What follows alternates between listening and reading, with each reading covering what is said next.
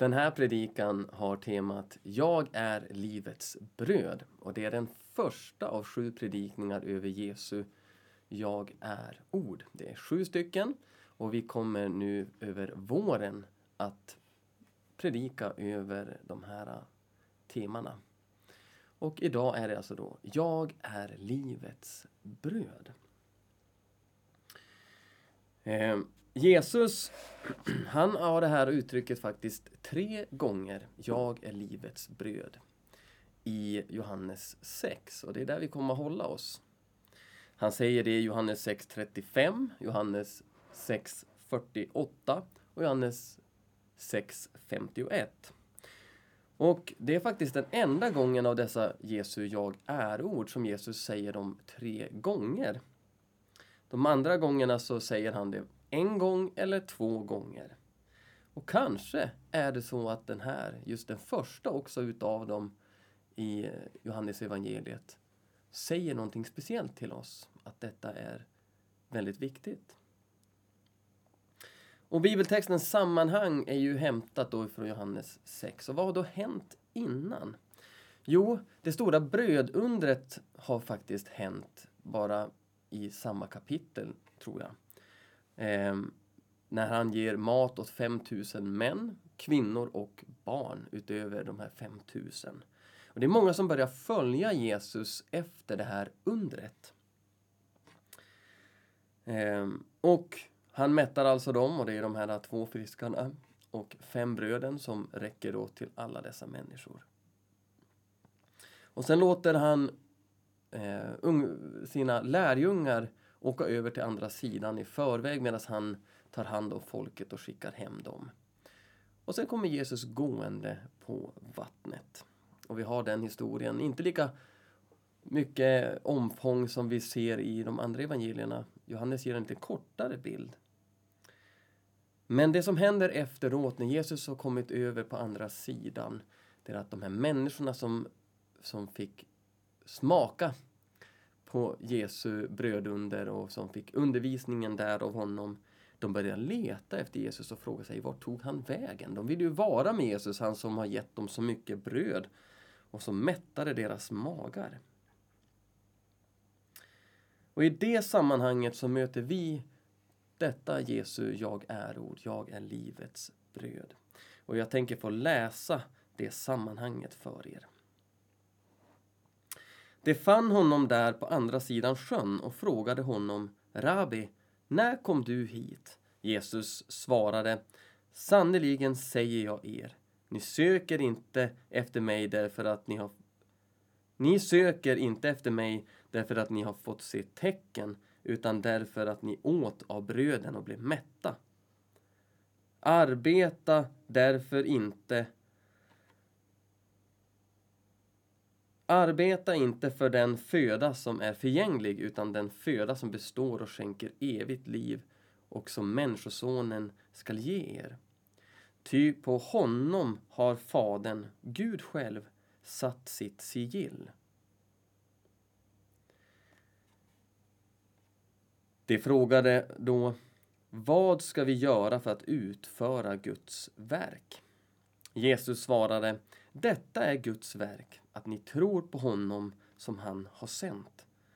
De sade Vilket tecken vill du, ge, du göra så att vi kan se det och tro på dig? Vad kan du utföra? Våra fäder åt mannat i, i öknen så som det står skrivet, han gav dem bröd från himlen att äta. Jesus svarade, sannerligen säger jag er, Mose gav inte brödet från himlen, men min far ger det, det sanna brödet från himlen. Guds bröd är inte bröd som kommer ner från himlen och ger världen liv. Nej, Guds bröd är det bröd som kommer ner från himlen och ger världen liv. Det bad honom då, Herre, ge oss alltid det brödet. Jesus svarade, jag är livets bröd. Den som kommer till mig ska aldrig någon aldrig hungra och den som tror på mig ska aldrig någonsin törsta. Men som jag har sagt er, ni har sett mig och tror ändå inte. Alla som Fadern ger mig ska komma till mig och den som kommer till mig ska jag inte visa bort. Ty jag har inte kommit ner från himlen för att göra vad jag själv vill utan för att göra hans vilja som har sänt mig. Och detta är hans vilja som har sänt mig, att jag inte ska låta någon gå förlorad av dem som han har gett mig, utan låta dem uppstå på sista dagen. Ty detta är min faders vilja, att alla som ser Sonen och tror på honom ska ha evigt liv. Och jag ska låta dem uppstå på den sista dagen. Det här var Johannes 6, 25 till 40. Och du kan läsa det själv också för att det blir lite fel här i min läsning om du vill få ett bättre sammanhang. Men lite längre fram i texten så möter vi också det här i verserna 47 till 51. Sannerligen säger jag er, den som tror har evigt liv. Jag är livets bröd. Era fäder åt mannat i öknen och de dog. Men brödet som kommer ner från himlen är sådant att den som äter av det inte skall dö. Jag är det levande brödet som har kommit ner från himlen. Den som äter av det brödet skall leva i evighet. Brödet jag skall ge är mitt kött. Jag ger det för att världen skall leva. Så Jesus säger att han är livets bröd och att han är det levande brödet och att han är livets bröd. Tre gånger kommer just det här. Och det är skillnad på maten och energin som maten ger oss, det som vi stoppar in i våra kroppar. Det är alltså skillnad på maten och energin som maten ger oss. Och det är också skillnad i våran tro på han som är brödet och vad brödet kan ge oss. Jesu ord om att han är livets bröd, det är att säga att han är källan till allt liv. Han är livet, men han är också levande. Och han gör med de här orden, jag är, som vi kommer att titta på i de kommande predikningarna också, ett anspråk på att han är Gud. Han är inte bara en som levde där och då.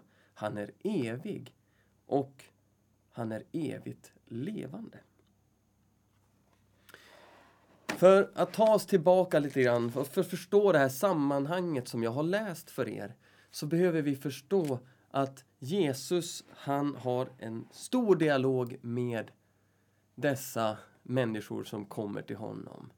De har ju historien om hur Mose i öknen bad till Gud om mat och mannat kommer ner till dem varje dag förutom på sabbaten. För dagen innan sabbaten så fick de baka för två dagar och de skulle lita på Gud och leva av det brödet som han gav där i 40 år. Och nu tänker man, om du är Gud, Jesus, om du är den du säger att du var, men då kan du ju ge oss mat hela tiden. Och på något sätt så hamnar det ju att människan skulle önska att de slapp sträva efter att kunna mätta sina egna munnar med sin ansträngning, sina jobb och annat som finns där. Och Jesus säger att men ni har ju inte sökt upp mig för mig. Utan ni har ju sökt mig när ni kommer nu på andra sidan och letar upp mig igen. På grund av att ni vill ha mer mat, mer bröd. Och jag tror inte att Jesus är de bitter på att han har gjort det här stora brödundret, för det gjordes för detta tecken med brödet under, det var ju för att vi skulle få tro. Att han skulle skapa tro i oss. Så det handlar också om den andliga födan, allt detta. Jag tänker att vi ska få komma in lite grann mer i texten. Ni letar inte efter mig därför att ni har sett tecken, utan för att ni fick äta av bröden som ni blev mätta. Att sluta sträva efter den mat som förgås. Ni vill alltså bara komma till mig, säger Jesus, för att just att jag ska mätta era fysiska behov. Och minns det jag sa här innan, att det är skillnad på maten och på energin som maten ger oss. För de frågar honom, ja men vad ska vi då göra? Jag tycker att det här återkommer ganska ofta, ofta i Johannes framförallt. Vi ser det också i Johannes döparen när han är i Jordan, i samma evangelium, hur, hur de undrar, men vad ska vi då göra? Om vi ska omvända oss och tro, vad ska vi göra? Vad kan vi göra för att få finnas och bidga Gud? Hur kan vi göra honom till lags med oss? Vad kan jag i mitt eget liv göra och sträva till för att Gud ska älska mig och att jag ska förtjäna rättfärdighet inför honom? Det är liksom den stora frågan de kommer med. Vad kan vi få göra då för att du ska ge oss det här brödet om och om och om igen? Och jag tänker att du och jag ibland hamnar i något liknande syfte. Eller att vi hamnar i något liknande tankegångar. Jag kan själv känna igen i mitt kristna liv hur jag ibland tänker att ja men Gud, om jag bara gör mer för dig eller om jag bara spenderar mer tid med dig i bön eller bibelläsning, ja men då kanske jag blir friskare fort från min förkylning eller då kanske jag eh, får mer välsignelse i mitt liv. Bara jag lever lite bättre, bara jag kämpar lite hårdare, bara jag ser lite mer eh, bra inför Gud. Och Jesus han svarar liksom att Nej, men det här är Guds gärning. Det här beror inte på er.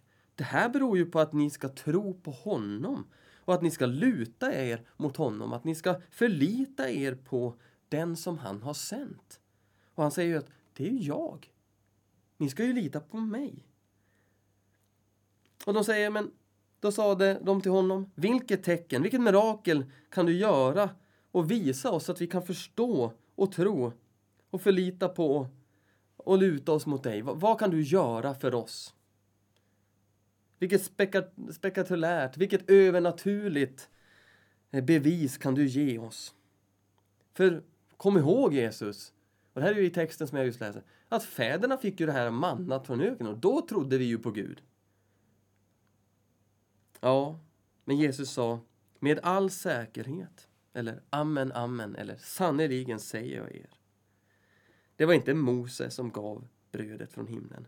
Det var min fader som ger det sanna brödet från himlen. Och det är ofta så i Gamla Testamentet att det vi ser som händer där, det är Guds handlande men också en, en, ett, en försmak och en spegelbild på vad Jesus skulle göra. Han som uppfyller hela skriften och ger allting i det gamla förbundet ett ny innebörd. Och han är det nya förbundet helt och hållet. Och han säger att för Guds bröd är han som kommer ner från himlen och ger världen liv. Guds bröd är han som kommer ner från himlen och ger världen liv. Ser ni hur Jesus är den livgivande? Hur han inte bara är levande där och då utan hela tiden för att han var med ända från begynnelsen. Och det är inte konstigt att Johannes använder det här språket i just den här texten.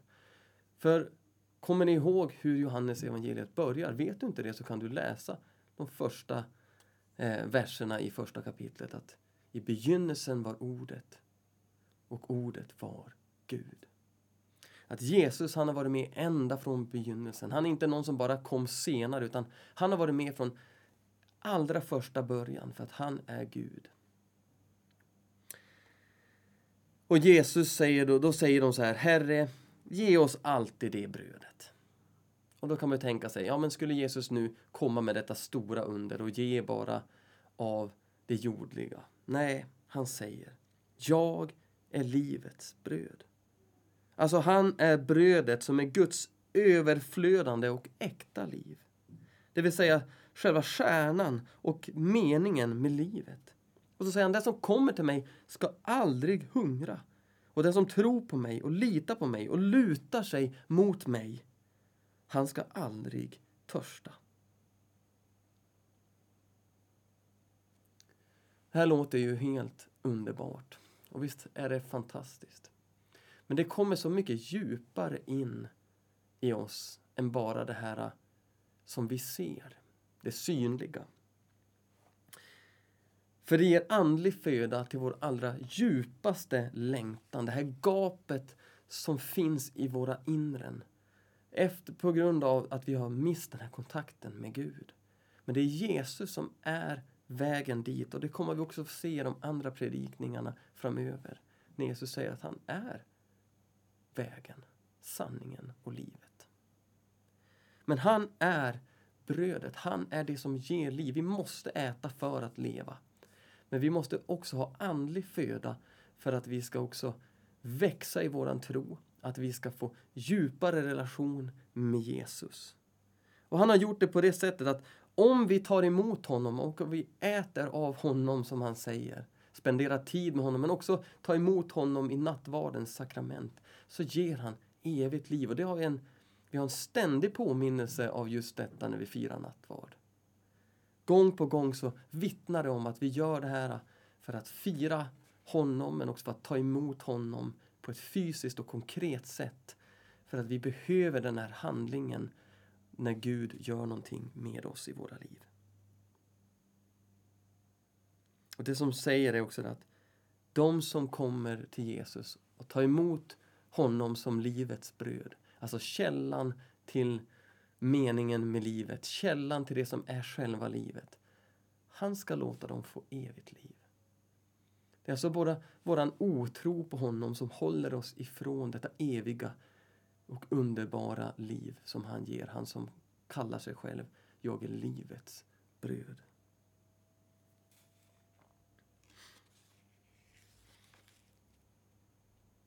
Han säger med all säkerhet Amen, amen, eller sannerligen säger jag er. Den som tror på mig, han har nu, han äger nu evigt liv. Jag är livets bröd. Och det här är vers 47 och 48. Och så säger han, era förfäder åt manna i öknen och de dog. Men detta är brödet som kommer ner från himlen. Var och en som äter det ska aldrig dö. Jag är det levande brödet som kommit ner från himlen. Om någon äter av detta bröd ska han leva för evigt. Brödet jag skall ge er är mitt eget kött och jag ger det så att världen ska leva. Han har inte bara gett sitt bröd till människor som har en tro på honom. Han har inte heller bara gett sitt bröd till människor som lever bra nog. Utan han har gett sitt bröd, sitt eviga liv. Han har bjudit in varenda människa att ta del av hans seger på korset. Det har vi gjort utan att förtjäna någonting. Så är, vad är det vi behöver göra nu då? Ja, vi behöver tro på Jesus. Vi behöver ta emot det han har sagt och lovat. För slutligen så kallar Jesus oss till sig själv. Inte till vad han gör eller vad han kan göra. Han vill inte att vi, han vill att alla vi ska ha relation med honom och också att vi tar del i hans mission och låter andra människor få rätt bild av honom så att de också kan få komma till tro på honom.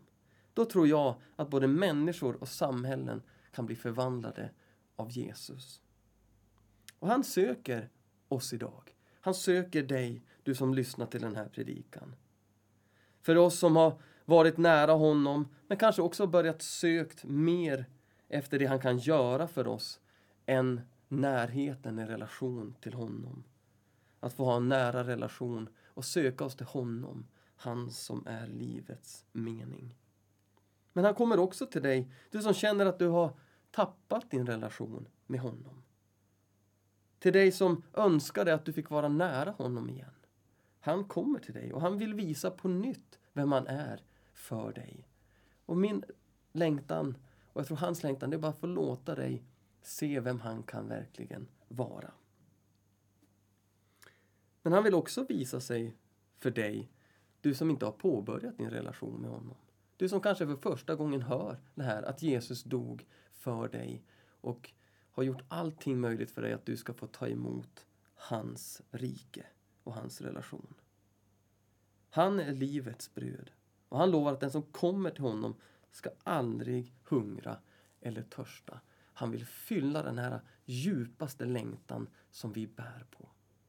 Men det slutar inte där utan när vi får ta emot hans kraft uppifrån, in i våra liv, så får vi också vara med och ge ut och lyda honom och älska att göra så som han säger och visa världen vem han är genom våra ord, våra handlingar men också i bön gå fram och tänka Gud, hur kan jag få visa på dig och göra dig synlig?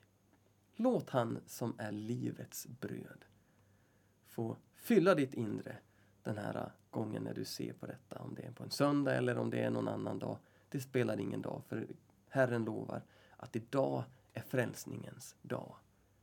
Han vill vara hos dig. Låt han få fylla det där allra djupaste längtan som du har i ditt inre.